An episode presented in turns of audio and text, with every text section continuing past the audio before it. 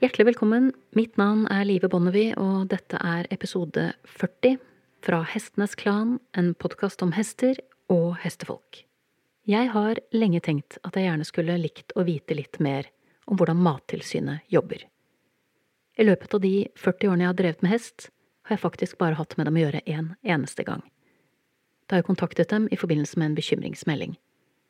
I tillegg til denne konkrete saken har jeg selvsagt eh, sett betenkelig hestehold flere ganger opp gjennom årene, men det har jo alltid vært mulig å ta en prat med hesteeier, som enten har ledet til en endring, eller i ytterste konsekvens en konsensus om at hesten fortjener å slippe.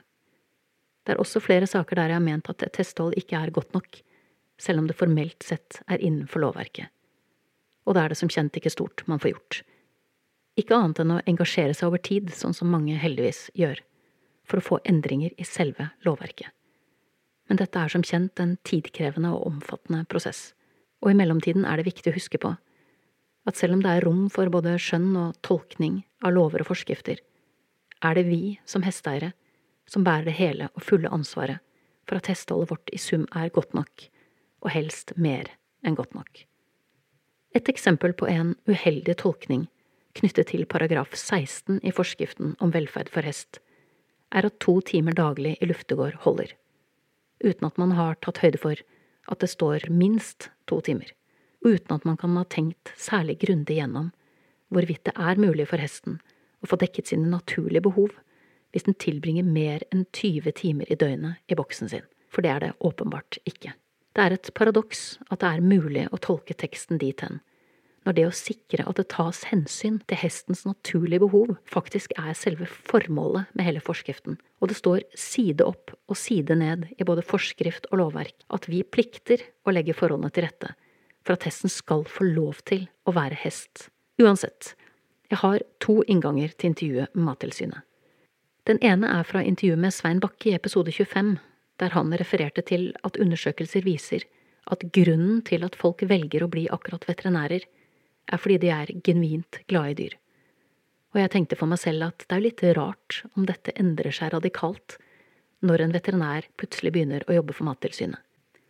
Den andre inngangen var min egen erfaring fra mitt første møte med dem.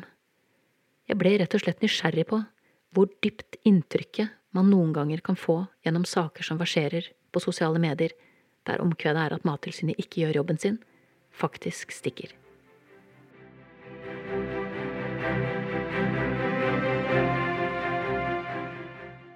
Så Ann Margaret Grøndal. Nå er vi på Mattilsynet, og jeg har kommet for å høre litt om hvordan dere jobber. Og jeg lurte på om du kunne starte med å si litt eh, om deg selv, hvor du er i dette systemet, og litt om din bakgrunn? Ja, jeg kan jo begynne med min bakgrunn. Jeg eh, vokste opp på gård og var alltid veldig glad i dyr. Eh, derfor utdanna jeg meg til veterinær. Og så hadde jeg i starten en, noen år med forskning og undervisning på Veterinærhøgskolen. Etter det var jeg ute i praksis og kjørte vanlig stordyrpraksis, hestepraksis og smådyrpraksis i sju år. Så begynte jeg i Statens dyrehelsetilsyn, som jo er foreløperen da, til Mattilsynet. Eh, jeg jobba som instituttleder på Veterinærhøgskolen noen år. Eh, på Veterinærinstituttet og på Landbruksdepartementet. Og så begynte jeg i Mattilsynet for to år siden. Og er seksjonssjef for dyr på Romerike. Og det omfatter da elleve kommuner på Romerike, pluss Oslo, Asker og Bærum.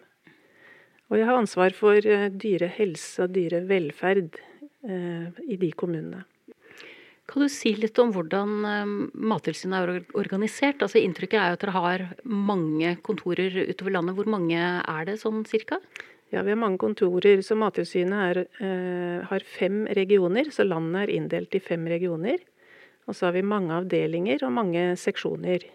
Så vår seksjon eh, heter eh, avdel, avdeling Romerike. Eh, og vår seksjon, som jobber da med dyr under avdeling Romerike, den har da ansvar for kommunene på Romerike samt Oslo, Asker og Bærum. Og det er kanskje litt, litt uvanlig at uh, avdeling Romerike har ansvar for Oslo, Asker og Bærum, men sånn er det i Mattilsynet. hvem, hvem, er dere? Altså det betyr Jeg tenker på hvis, um, hvis jeg har tråkket litt skjevt med mine dyr. Hvem er det som dukker opp på tunet hjemme hos meg da? Ja, De som dukker opp på tunet hvis du har, eh, når det er snakk om dyrehold, så vil nok det være veterinærer. Så i den seksjonen jeg jobber i, så er vi flere veterinærer. Som da har ansvar for å følge opp dyrs velferd og helse. Det betyr at dere har noen da som jobber bare på kontor, og noen som jobber begge steder, og noen som bare er ute? Eller hvordan er det organisert sånn på litt sånn mer mikronivå i organisasjonen? Eh, de aller fleste jobber både ute og på kontor. Så de aller fleste de vil eh, være noe ute og ha inspeksjoner. Eh, og så går de tilbake til kontoret og skriver rapport fra inspeksjonen. Og noen ganger så er det ikke nok med bare én rapport, da må vi kanskje følge opp med noen vedtak, og følge opp de vedtakene. Og i verste fall så kan det være snakk om kanskje at vi går til det skrittet med en politianmeldelse. Og det er arbeider som tar litt tid. Så det blir eh, en god del eh, kontorarbeid eh, etter de fleste tilsynene. Men alle er som regel ute på tilsyn. Og i Mattilsynet så er det jo ikke bare dyr, det er også mange som jobber med mat og planter og kosmetikk. Eh, men vår seksjon jobber da med dyrs helse og velferd. Er det krevende at dere har så mange ansvarsområder? Det er en av de tingene som på en måte har vært innvendt mot Mattilsynet, at det er mye dere skal passe på at dere kanskje blir spredd på for stort, stort fagområde, eller for mange forskjellige fagområder? Ja, vi har et stort eh, fagområde. Så alle, vi har jo mange dyr, mange dyrearter. Eh, og det er mange sykdommer. Eh, og det er mange dyr som har ulikt eh, behov når det gjelder dyrevelferd. Så det er eh, et veldig stort fagområde. Og i tillegg så er det fôr til dyra. Eh, det er eh, legemidler til dyra. Og det kan være fôrtilskudd. Så det er mange, mange vinklinger som vi kommer borti. Og mange krevende og interessante problemstillinger. Kan du gi noen eksempler på sånne problemstillinger? Du beskriver den som krevende problemstilling, så blir jeg liksom nysgjerrig på når er det dere betrakter en problemstilling som krevende? Ja, hvis vi tenker på dyr, da, så vil det jo være krevende Det er veldig mye skjønn i det arbeidet vi gjør.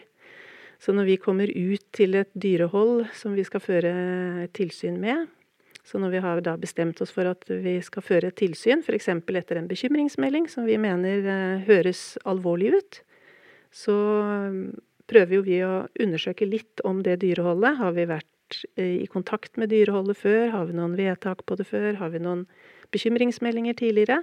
Så vi prøver å gjøre oss kjent med dyreholdet. Og så reiser vi ut til dyreholdet. Og er vi heldige, da, så finner vi jo en eier Eh, når vi kommer ut. For da kommer, du, da kommer dere uanmeldt? Da kommer vi uanmeldt. Mm. Så tilsyn med dyrevelferd, da er utgangspunktet at vi skal komme på uanmeldt eh, inspeksjon. Så da reiser vi ut, og så blir det jo å finne eier, snakke med eier, informere hvorfor vi er der. Og i slike tilfeller med dyrevelferd så vil vi jo informere om at vi kanskje har mottatt en bekymringsmelding, hvis det er det som er bakgrunnen til at vi reiser ut. Og så blir det å se på dyreholdet. Og da kan det være mange ganger vanskelig å vurdere hvis vi får en bekymringsmelding om en tynn hest, f.eks. Hva er en tynn hest? Kanskje har vi litt ulikt syn på hvor tynn en hest må være før det er eh, ikke normalt. Så når vi er ute på inspeksjon, så møter vi ofte Eh, utfordringer når det gjelder den skjønnsmessige vurderingen. For kanskje har vi en litt annen vurdering enn det eieren har. Vi kan gå på holdet på hesten, hvor tynn eller hvor overvektig han er. Eller hvor halvt han er, hvor lenge han har hatt et problem. Det kan være mange sånne vurderinger som kan være vanskelige. Og kanskje eldre hester. En gammel hest. Hvor lenge kan en eier ha en gammel hest? Det kan være veldig vanskelig for en eier å avlive et dyr han har kanskje hatt hele dyrets liv. Og så kommer vi og på kort tid skal på en måte gjøre en vurdering om, om det er forsvarlig å la dyret leve. Og Da kan jo vi ha en annen oppfatning enn det eieren har. Og Da kan det bli en diskusjon, og kan være en vanskelig vurdering. Hvordan blir dere tatt imot når dere kommer som på tilsyn? Føler folk seg på en måte da raskt eh, angrepet, på en måte? Fordi de Altså at de føler seg litt overvåket, eller, eh, eller Det varierer sikkert. Det er sikkert noen som tar imot med åpne armer og syns det er supert at dere undersøker og, og har veldig kontroll på dyreholdet sitt. Og kanskje når du sier innimellom så har man en hest som faktisk er halvt av en grunn, og den er allerede under behandling og sånne ting. Men dere møter vel sikkert da mange nyanser av, i dette tilfellet, hestefolk, da? Når Ja. dere er ute? Ja, vi møter mange nyanser. Og det er som du sier, noen, eh, noen sier at eh, Altså setter pris på at vi kommer, og er veldig positive og vil gjerne vise fram dyreholdet sitt. Og andre ganger så er det nok mer eh, eh, at vi stadig At vi tidlig får spørsmål om hvem er det som har meldt meg. Eh, og at de ikke forstår hvorfor noen kunne finne på å melde dem. Og kanskje er det ikke noe galt med dyreholdet i det hele tatt, så det kan være begrunna i en misforståelse. Og andre ganger så kan vi møte eiere som er eh, ikke så velvillige til å vise oss dyreholdet. Så det kan være stor variasjon. Kan eieren velge at dere ikke får sett dyreholdet? Eieren kan eh, gi beskjed om at han ikke ønsker å vise oss dyreholdet, men hvis vi mener at det er eh, god grunn til at vi ser det, så har vi rett til å få se det. Så eieren kan prøve å nekte, og, og det kan nok være at vi sier at da kommer vi igjen om en halvtime eller en time, hvis det er gode grunner til at eieren ikke vil vise oss dyreholdet. Det kan jo være mm, gode forklaringer på det. Eh, Så noen ganger så, så blir vi enige da om å komme tilbake om en halvtimes tid, f.eks. Og det kan være nok for eieren til at det fungerer eller blir greiere, eller Ja, ja, det spørs litt på hva grunnen er. Hvis grunnen er å skulle levere barn i barnehagen. Levere barn i barnehagen, stelle en gammel mor som trenger hjelp der og da. Så, så vi er jo absolutt mennesker og medmennesker og mulig, godt mulig å snakke til oss. Mm. Hvilke rettigheter har jeg hvis dere er på tunet hos meg, hvis jeg Det er en bekymringsmelding, og jeg tar det veldig personlig, for jeg setter jo på en måte min eh, ære i at hestene mine skal ha det bra. Har jeg krav på å få vite hvem det er som har meldt meg? Uh, nei, altså de som er meldere, de, de, altså de flere, eller veldig mange av melder, meldingene vi får inn, er anonyme. Og da veit ikke vi hvem som har meldt. Uh, I noen tilfeller så oppgir er melder til oss at, de, at vi må for all del ikke oppgi hvem de er. Og det kan sikkert være ulike grunner til det. Sånn at da kan det komme en situasjon hvor dere vet hvem melderen er, men jeg som eier av dyret får ikke vite det. Ja, Ja. det kan, eh, det kan skje. Er det noe som avgjøres da i det øyeblikket jeg Hvis jeg bestemmer for å melde noen, så avgjøres det i det øyeblikket. Da kan jeg skrive enten helt anonymt, og da vil ingen vite det, eller jeg kan si dere kan kontakte meg hvis dere vil vite mer. Men jeg vil ikke at eieren skal vite hvem jeg er. Ja, det kan du fint gjøre. For Mattilsynet har en, eh, det vi kaller en bekymringsknapp på sidene sine. Så på førstesiden på Mattilsynet så, så er det en bekymringsknapp, og der kan man legge inn bekymringer.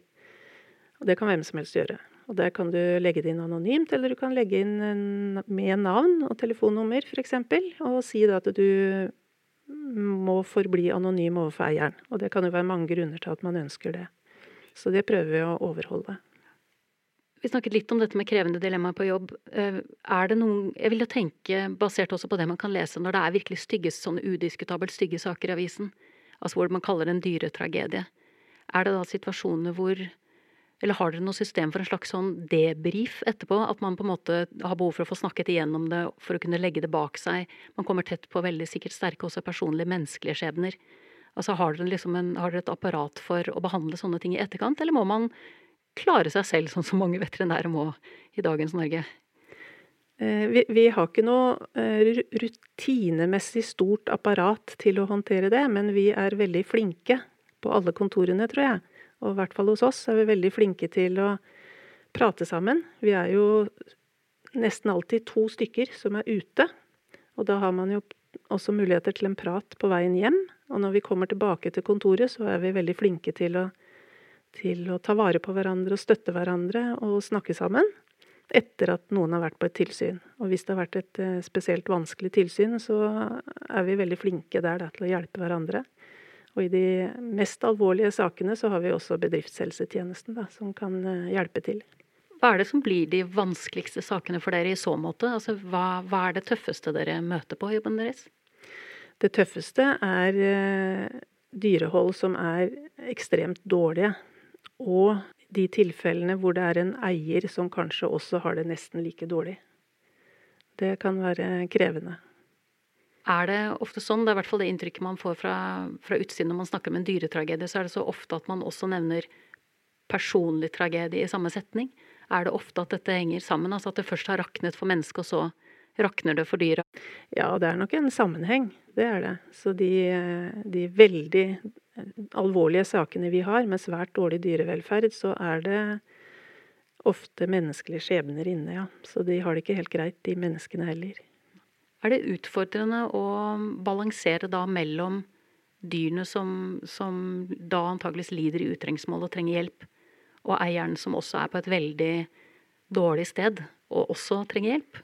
Hvordan veier man da det opp mot hverandre, hensynet til dyret og hensynet til Si at det er en eier da som har hatt dette dyret i 30 år, klarer ikke å ta vare på seg selv lenger, klarer ikke å ta vare på dyret.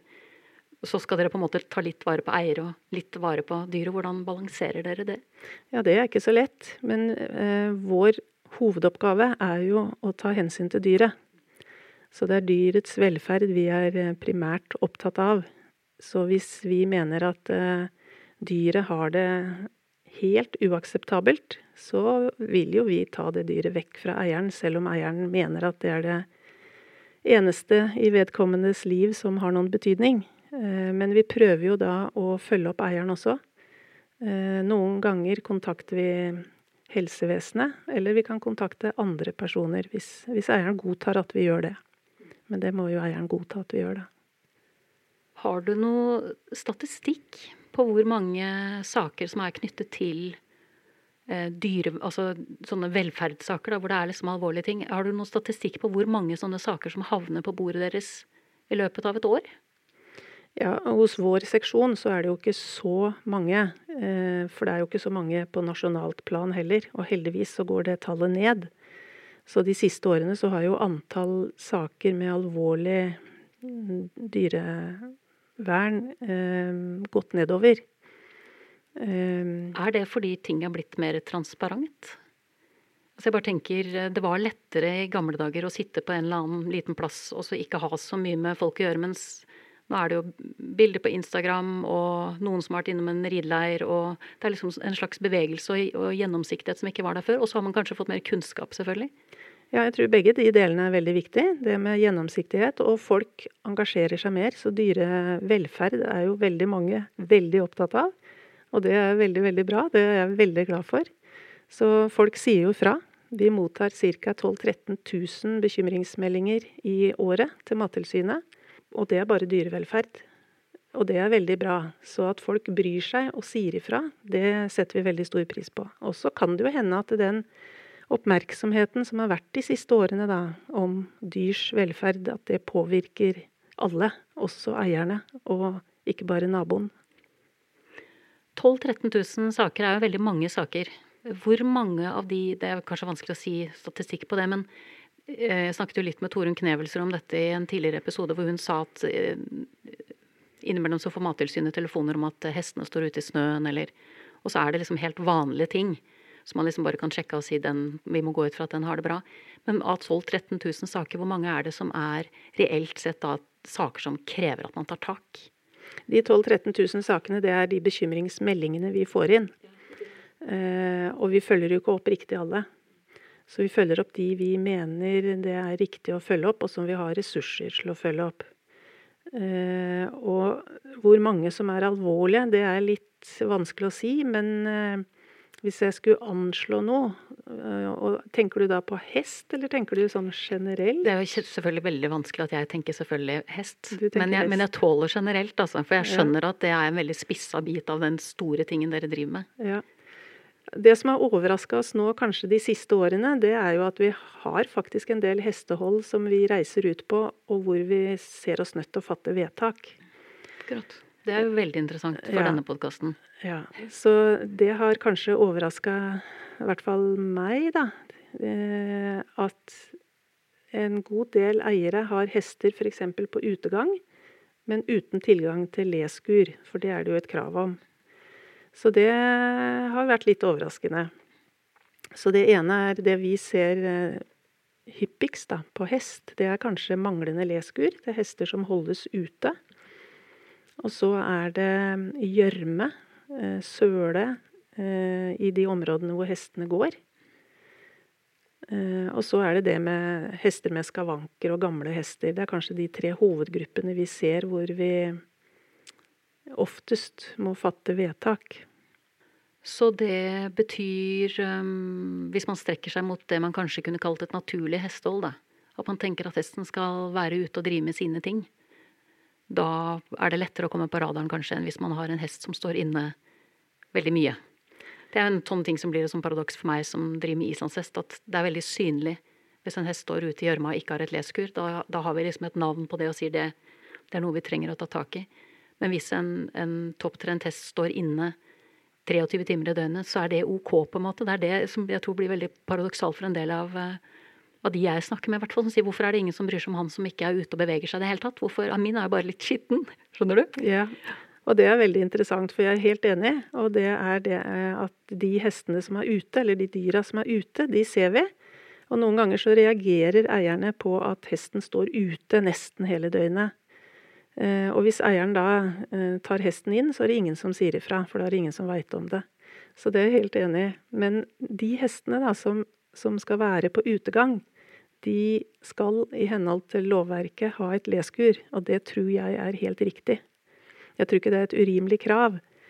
Eh, for når det er surt og vått, og kanskje sterk sol om sommeren, kanskje er det det verste, så, så benytter de ofte et leskur. Og det tror jeg er riktig at de har tilbud om, at de kan bruke hvis de vil. Så akkurat det med leskur eh, tror jeg nok vi må fortsette å ha et øye med at eh, alle utehester har. Så kan jeg jo komme med et lite hjertesukk som eh, i perioder av livet har hatt en hest på utegang, at det er jo så utrolig viktig at de blir plassert riktig i terrenget, og at de har riktig størrelse. Sånn at hestene er komfortable med å bruke dem. For jeg har jo vært på steder hvor det finnes leskur, men, men hvor de er såpass lave under taket. Og det er kanskje laget av et materiale som gjør at det bråker veldig mye når det regner, og det er en del ting som gjør at hestene skulle gjerne hatt et skur, men så har de bare satt opp det minste de kan klare fordi de vet at de må ha et. Og det tenker hestene bruker ikke likevel. Og så har ikke egentlig hesten reelt sett fått det jeg tenker at en utegangshest skal ha. Jeg har jo eh, hesten min på en stall hvor vi nettopp har gått over til utegang nå. Og da var de veldig flinke, de som driver det stedet, i forhold til å tenke hvor er det hesten har best mulig utsikt, og at det er høyt under taket, sånn at de ikke føler seg så fanget, på en måte.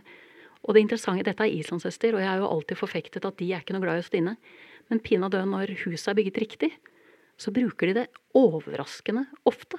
Så det er også noe med utformingen av husene, tenker jeg, at folk skal ikke kimse av hvor viktig det er at det er et, et trygt og bra sted for hesten å være, da. Ja, så jeg er helt enig i det at eh, størrelsen er viktig. Inngangspartiet er viktig, og plasseringen er viktig. Og så er det en ting til som er viktig, og det er å sette sammen gruppa riktig. Sånn at ikke det er en dominant hest som hindrer eh, de eh, som er lavere på rangstigen adgang. For kanskje står det en liten hest som gjerne skulle stått under tak, men han tør ikke gå dit, for der står det en annen hest å passe på. Så det å, å forstå gruppa og gruppedynamikken er også veldig viktig, da. Og det er min erfaring også, at det er uh, alfa og omega. Jeg har også sett det, nemlig at det er én som bor i huset. Mm -hmm. og så er det andre som står ute og fryser. Men det er interessant å, å, bare merke seg at det er en av de tingene som dere må fatte vedtak på med gjennom mellomrom. At uh, hestene ikke har uh, forskriftsmessig det de skal ha når de går på utegang. tenker jeg er greit å ta med seg. Ja, det er veldig viktig, tror jeg, da. Så vi har litt Vi følger litt med på, på hesteholdet. Og det kommer vi til å gjøre framover også må spørre deg om det med gjørme også, for det er jo perioder i Norge hvor det er vanskelig å unngå den. Krav til drenering og sånne ting hvor uh, Altså hvis jeg hadde hesten stående et sted hvor det var veldig mye gjørme, og dere kom innom på tilsyn og sa at her, uh, her må det gjøres noe, kan man da risikere at man må gjøre en kjempestor dreneringsjobb for å klare å få vannet bort? Altså hvor, hvor gjørmete er gjørmete, da, før det blir et problem? Ja, der stiller jo regelverket krav da, til at eh, der hvor dyret står og eter, Eh, så skal det være hardgjort underlag. Så enten kan det jo være på en støpt platting, eller det skal være drenert og, og hardgjort, som sagt. Så det er noen krav til det. Men vi er jo Også her er det behov for skjønn, da. Hvor jeg mener at eh, vi i Mattilsynet vi har en del godt skjønn. Så når det gjelder eh, gjørme, så vil nok ikke vi se så alvorlig på det hvis det er gjørme på et lite sted i det arealet hesten har, men hvis det er gjørme overalt, og gjørme på eteplassen, og det ikke er en tørr flekk inne i leskuret, da kan vi nok være ganske strenge. I verste fall eh, ta dyra. Hvis vi mener at det her eh, var det helt forferdelig, og det er små utsikter til at dette blir gjort noe, gjort noe med. Men i de fleste tilfellene så vil jo vi prøve å snakke med eieren og fortelle hva, hva som kan gjøres. Og prøve å få eieren til å utbedre forholdene innen en kort frist som de får fra oss. Så har, der har vi også alle grader, da. Fra at det er eh, et gjørmehav inne i leskuret, til at, eh, at, det bare er en flekk eller en, en del av luftegården f.eks. som er gjørmete. Så det å ha områder som, som er hardgjort, da, og hvor hesten kan stå greit, det er viktig. Men det er mye skjønn inne i sånne saker. Siden vi først er inne på det, og det er en, et sted hvor det på en måte fattes en del vedtak, så er det jo greit å sjekke da, hvis man da har bygget dette leskuret, kravet til underlaget i leskuret? Må man ha halm der? Kan man bare ha grus der? Er det bare nok at det er tørt der? Altså hva er, hva er nederste grense for at det skal være et akseptabelt sted for hesten? Det skal gi hesten en bekvem liggeplass, og da kan det sikkert løses på mange måter. Så hvis det er bra med halm eller bra med flis, så er det kjempefint. Men det skal være tørt, og det skal være et eh, underlag som isolerer. Så, og det kan sikkert gjøres på mange måter. Jeg tenkte også jeg skulle høre med deg om disse sakene som med jeg vil si, ujevne mellomrom, og kanskje litt sjeldnere nå enn for noen år siden, de sakene som dukker opp i sosiale medier og skaper et sånt enormt engasjement. Da dreier det seg typisk om dyr som noen føler at eh, lider i utrengsmål. Man føler kanskje at man har prøvd å melde fra, man føler kanskje at man ikke har blitt hørt. Man oppfatter det som at dette er langt på overtid, og tenker at Mattilsynet gjør ikke jobben sin. Og så tenker jeg at det kunne vært interessant å høre, selvfølgelig ikke med å gå inn på enkeltsaker, men hvordan ser denne biten av virkeligheten ut fra, fra deres side, fra Mattilsynets side? Ja, vi, vi, skjønner jo det noen ganger at, eh, at, publikum reagerer, og vi har jo forståelse for det. Men det som kanskje er de vanligste årsakene, og som hindrer oss i å fortelle eh, vår, vårt syn på sakene, det er jo Eh, forvaltningsloven. Altså vi må forholde oss til forvaltningsloven. Og da tar saker av og til litt tid. Så hvis vi er ute på et tilsyn og skal fatte et vedtak, la oss si at det er veldig gjørmete der, eller at det er eh, en tynn hest og vi mener fòringen må være bedre, så må vi da først varsle et vedtak, og så skal eier ha en uttalefrist. For det kan jo hende at vi har feil opplysninger eller har misforstått situasjonen. Så eieren får en uttalefrist, og det må gå noen dager. Og så når, når uttalefristen er eh, over, så kan vi fatte vedtaket. Og da har eier tre ukers klagefrist på det. Så vi må følge forvaltningsloven. Så det, det er noe som eh, på en måte bidrar til at noen saker kanskje tar litt lengre tid enn det publikum hadde forventa. Og så har vi jo taushetsplikten, som kanskje er en av de viktigste årsakene til at folk ikke helt eh, har forståelse for Mattilsynet. Og det er jo at vi kan ikke informere om saker hvor vi har taushetsplikt. Så selv om det koker, så må vi sitte stille og, se at det koker. Eh, så det med taushetsplikt og forvaltningsloven er viktig. Og så det siste som også er veldig viktig, det er den store graden av skjønn som må brukes i sånne saker. Og da kan det hende at vi i Mattilsynet kanskje har vi et litt annet syn på saken enn det melder har, eller enn det hesteeier har. Sånn at det kan være litt uenighet om, om fakta, da. Er det for gjørmete, eller er det ikke? Kanskje mener Mattilsynet at her var det for mye gjørme. Og så mener kanskje eieren at ja, men sånn er det bare i to uker, og så blir det frost, og så blir det mye bedre. Så mener vi kanskje at de to ukene i gjørme, det, det godtar vi ikke. Så det, jeg tror vel kanskje at det kan være tre hovedgrunner da, til at det kan koke på mediene, sosiale medier. Og det er det med skjønn, og så er det det med taushetsplikt, og så er det det med forvaltningsloven og saksbehandlingsgangen. For det er jo Når, når dere har taushetsplikt, så tenker jeg at da er det så fort gjort å være den som blir den store, stygge ulven, egentlig. For de andre partene kan jo forsvare seg og mene sine ting helt åpent. Mens dere sitter på en måte der og gnager på knoken om å være tause. Er det tøft noen ganger? Hvis det er veldig sånn omdiskuterte saker som tar mye plass? Ja, det kan jo være tøft, men uh, vi setter veldig stor pris på at folk er engasjert i dyrevelferd. Så når det koker og mange engasjerer seg, så tenker vi at det her er et fagfelt som mange engasjerer seg i. Og det er vi veldig glad i, da. Det er veldig viktig at det er flere stemmer når det gjelder dyrevelferd, for det er også et fag under utvikling. Så synet på dyr endrer seg jo hele tiden. Så det som var eh, helt akseptabelt da jeg vokste opp og kalven f.eks. sto bundet i en kjetting langs veggen, det godtar vi ikke lenger. Og det tror jeg er veldig bra. Så de eh, som er veldig engasjert i dyrevelferd, de gjør en god jobb og bidrar til eh, at dyrevelferden stadig blir bedre. Er det, hvis vi først snakker om da disse som på en måte kommer og melder sin bekymring um, Hvis jeg ser en skadd eller syk hest eller en hest jeg føler at ikke blir tatt godt nok vare på, og jeg velger å være bekymret selv, men jeg tar ikke bekymringen min videre til dere. Når er det jeg selv blir en lovbryter eh, i sånne situasjoner? For det er vel sånn at hvis du har sett dyr lide, så, så, har du et ansvar selv om det ikke er ditt dyr?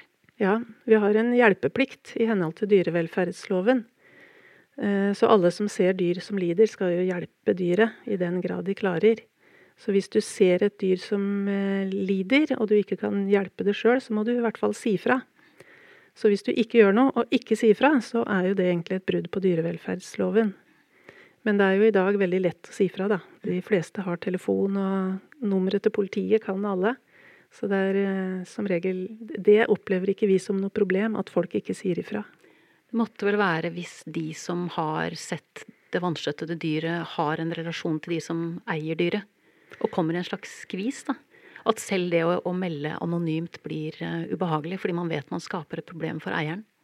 Ja, det kan nok hende. Men det, den muligheten til å melde anonymt er jo også en, et godt uh, virkemiddel her. Sånn at uh, det er et godt tiltak vi har der i samfunnet vårt, da, at du kan melde anonymt. Vi snakket innledningsvis litt om dette med at når dere kommer ut i felten som følge av f.eks. en bekymringsmelding, så kan dere ha en litt annen vurdering av dyrets forfatning enn det eieren har. Og da nevnte du jo dette eksempelet med at man har kanskje f.eks. hatt den hesten da hele livet. Og da hadde jeg lyst til å snakke med deg om et begrep som, som jeg har hatt litt befatning med selv, som vi kaller for det å være husblind. Altså det at dyret gradvis blir dårligere, sånn at man ikke får det, den støkken som du får når du kommer fra utsiden. Litt som når du besøker eh, søstera di for første gang på to og et halvt år, og barna har blitt en meter høyere. Så går det en støkk i deg. Mens eh, den du besøker, som har hatt ungene som har blitt stadig større, hun har ikke merka det på samme måten. Og jeg tenker at den husblindheten handler om at, at noen ganger så kan noen alvorlige tilstander komme veldig snikende, og så merker man dem ikke helt. Kan du, si, kan du si litt om den biten der? Ja, det ser vi jo. Og det er kanskje ikke så rart, for sånn har vi det vel egentlig alle. Og, og det kan være Du kan ha en hest som er tynn, eller som har et beinproblem som har vært litt halvt, og så mener du at nå går det litt bedre, og så kanskje er det litt verre en dag, men så går det litt bedre, og så går ukene. Og du håper i det lengste at det skal bli bedre. Ehm, så at eh, en dyreeier eh, lever i håpet for sitt dyr, det har jeg veldig stor forståelse for. Og den beslutningen om at nå er grensen nådd, den er ikke så enkel å ta, verken for eieren og heller ikke for Mattilsynet. Men, men, noen ganger så kan det kanskje være gunstig da, at Mattilsynet kommer og tar en diskusjon med eieren, og kanskje prøver å åpne øynene litt. Så jeg tror at sammen så klarer vi å håndtere en del sånne situasjoner på en god måte. Men eh, det er jo ingen som egentlig har fasiten i sånne tilfeller. Så det, som, som, som, ellers så er det mye skjønn da, i sånne saker, hvor det kan være tynne hester, det kan være sjuke hester, det kan hester som har beinproblemer, forfangenhet f.eks., for som mange eh, hester dessverre utvikler. Det fører jo ofte til en kronisk eh, lidelse. Så kan de være gode i lange perioder, og så kan de få et lite tilbakefall og være halte noen uker. Og så er spørsmålet eh, hvor er grensen? Når, når, er grensen nådd? Og den, den, vurderingen er veldig vanskelig. Men kanskje kan man tenke litt på om hesten har flere gode dager enn dårlige dager. Og hvis hesten har flere gode dager enn dårlige dager, så kan den kanskje få lov til å leve. Så jeg tror at i sånne tilfeller så Så de er veldig vanskelige, både for Mattilsynet og for eierne. Mens kanskje i mange tilfeller så klarer vi å snakke sammen, da. Og komme fram til en løsning. Når vi snakker om gamle hester som kanskje er litt tynne hester, som kanskje i perioder er litt eh, halte hester. Da er det jo eh, noen som jeg har vært Jeg har jo ikke vært i befatning med Mattilsynet mer enn én gang i mitt liv hvor jeg faktisk har eh, kontakta dere og bedt om at dere tar affære. Eh, ellers så gjør jeg stort sett det som dere gjør. Jeg prater med eieren først. Og så er det jo sånn at folk er åpne for å ha en samtale, stort sett. Og når man peker på ting, så er det ingen som vil at dyret skal ha det vondt eller ubehagelig. Og så blir det på en måte gjort noe med. Men um, i de situasjonene da hvor man har på en måte tynne, gamle hester, så er det jo da også en del eh, hesteeiere som vil argumentere med at jo, men dette er jo det samme som skjer med folk. Gamle mennesker blir tynne. Det er normalt. De blir litt mer skrøpelige, de blir litt eh, stivere, de har kanskje litt vondtere og sånt, men de blir jo ikke avlivet av den grunn. Så hvorfor skal det være helt andre regler som gjelder for dyrene? Og så har jeg hatt da, i denne konkrete Mattilsynet-saken som jeg var involvert i, så, så, ble det på en måte lagt fram som et argument at hvis denne hesten hadde vært et menneske, så hadde jo ikke dette skjedd. Da hadde jo ikke hesten skulle bli avlivet, eller mennesket skulle ikke blitt avlivet. Men da snakker man aldri om den palliative behandlingen som alvorlig syke mennesker får. Så jeg føler at det blir veldig urimelig å si at en hest skal få lov å være skranten, tynn, gammel, sliten, fordi at mennesker får lov til det, når det krysser det punktet hvor det da ikke er god velferd for hesten lenger. At vi faktisk eh, plikter da også til at hesten må kunne få medisiner for vondt i ledd, hvis den skal leve med vondt i ledd. At vi ikke skal på en måte sette Det blir litt sånn Man kaller det cherry-picking, men at man på en måte bare velger å si at vi, vi bruker et menneske som et likestilt bilde på noen områder, eh, som da sier jo men man må få lov å være gammel, stiv og ha det litt vondt. Men så tar man bort den biten som handler om at veldig mange stive mennesker som har det vondt, får faktisk hjelp til å takle situasjonen sin bedre. Hva tenker dere rundt den biten? Ja, det er veldig vanskelig. Men uh, nå har jo vi menneskene, da, tatt disse husdyra i vår varetekt. Og de er helt prisgitt oss.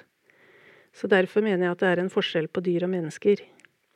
Så jeg, og dyrevelferdsloven legger jo opp til det. At, eh, at, det er vårt ansvar å passe på at dyret har det godt.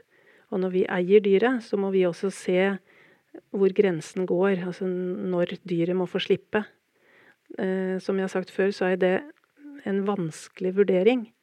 Men hvis dyret ikke viser tegn til glede, så tenker jeg at da er tiden inne for at dyret skal få slippe. Og da skal det få slippe å lide videre, selv om eieren eh, har problemer med å se det. Og problemet med å slippe taket, som jeg snakket om også, ikke sant? Ja. Så hvis, altså hvis, dyret viser tegn til glede, du slipper hesten ut, og han hopper og spretter, eller han legger seg og ruller seg og, og knegger, og kommer når du skal fòre og stelle, så tenker jeg at da er det kanskje forsvarlig å la han leve. Men hvis han liksom ikke viser noe tegn til eh, livsglede, så tenker jeg at eh, da er det kanskje på tide å vurdere å la den slippe. Mm. Så hvis man er litt stiv og litt halvt innimellom og kanskje er litt tynn, men, men, ser ut til å ha et fullverdig liv i den forstand at man har kontakt med sine omgivelser og utviser vanlig, normal hesteatferd i form, form, av rulling og ja, kontakt alle de tingene, så, er det, så kan man tåle at de er litt skakke? Ja, jeg mener vi må tåle at, eh, at, eldre hester blir eh, kanskje litt tynne eller kanskje litt overvektige, litt halte. Eh, og har litt skavanker. Det tenker jeg at vi må tåle hvis de viser at de gleder seg over, over livet, over dagen. Og da snakker vi mer enn halvparten av dagene i året, sånn sett da. Altså ja, gjerne at, litt mer enn det, tenker ja, jeg. Jeg tenker også at hvis, de, hvis, et større antall dager er gode for hesten, så er det kanskje forsvarlig å la den leve. Og så er det vel også sånne hensyn å ta i forhold til gamle hester også, at det er mye tøffere for dem med vinteren, eksempel, enn, enn å ha en ekstra sommer og For vinteren legger jo mer press på organismen, rett og slett. Sånn at du kan kanskje ha en hest som har det helt ok gjennom sommeren, jeg skal være helt konkret. Du har en hest som har det helt ok gjennom sommeren, og så, det merket jeg på min hest når han ble eldre òg, og så er vinteren litt hardere. Og så blir den liksom litt hardere for hvert år, men han har det jo kjempefint om sommeren. Så, så den derre når er det man sier at han skal få slippe en vinter til, det er også en sånn veldig Det her kommer veldig sånn dette med skjønn inn, da, mm. føler jeg. Ja. Det er mye skjønn når det gjelder dyrevelferd. Det, ja, det er det. Kan jeg um, avslutningsvis også spørre deg om um, alternativmiljø er liksom litt rart å si, men Men det er jo Det jeg merker meg etter 40 år i bransjen, er jo at det er jo flere og flere eh, ulike innfallsporter til hva som er god dyrevelferd. Og hesten din har den og den skavanken, da kan du den kan spise den og den urten. Det fins mange varianter av alternativ behandling som kanskje ikke har så god dokumentasjon. I hvor stor grad ser dere dette som en fordel eller en ulempe i forhold til hestevelferd? Det er ikke sikkert det er mulig å si noe generelt om det, men jeg bare observerer at jeg har sett begge deler. Jeg har både sett uh, folk som har en veldig alternativ tilnærmingsmåte, som er med på å øke risikoen for at hester lider utrengsmål, og jeg har også sett folk som har uh, driver med ulike former for alternativ behandling, som har utgjort en enorm positiv forskjell i hestens liv. Hvordan Har dere noen sånne eksempler på hvordan disse tingene ser ut i deres ende? Nei, det er vel kanskje som du sier at det er eh, stor variasjon. Altså, og, og, jeg tenker vel at, at um, det å våge å gjøre ting litt annerledes enn vi alltid har gjort tidligere, det er en positiv ting, tenker jeg. Men når det gjelder uh, dyr, så må det da være innenfor regelverket. Så forholder vi oss innenfor regelverket, så er jeg positiv til at vi prøver alternative eh, metoder når det gjelder dyr. Men eh, og, og, som sagt, noe er til det bedre, og noe er kanskje ikke til det bedre, men da lærer vi.